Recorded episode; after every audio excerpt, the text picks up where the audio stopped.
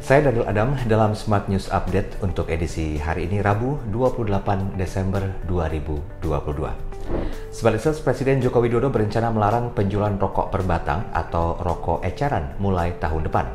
Larangan penjualan rokok ketengan itu menjadi satu dari tujuh pokok materi muatan dalam rancangan peraturan pemerintah.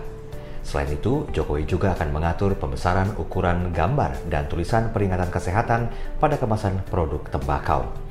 Adapun aturan lain yang akan dicantumkan oleh Presiden Jokowi adalah penegakan dan penindakan serta pengaturan kawasan tanpa rokok.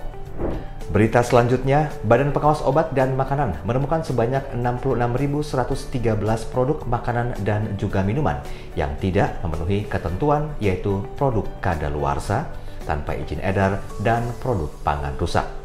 Kepala Bepom Penny Kalukito mengatakan, adapun produk yang ditemukan itu mencapai 3.955 item dengan nilai ekonomi sekitar 666,9 juta rupiah.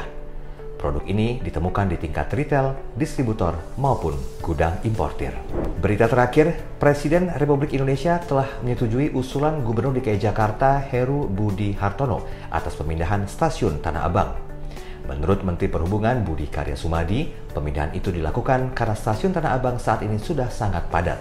Sementara itu, juru bicara Kementerian Perhubungan Adita Irawati mengatakan, dengan adanya rencana pemindahan dan pembangunan stasiun baru Tanah Abang, tidak akan membuat stasiun-stasiun yang lokasinya berdekatan dengan stasiun Tanah Abang ditutup atau dihentikan fungsinya seperti stasiun karet. Sekian berita hari ini, sampai jumpa dalam Smart News Update berikutnya.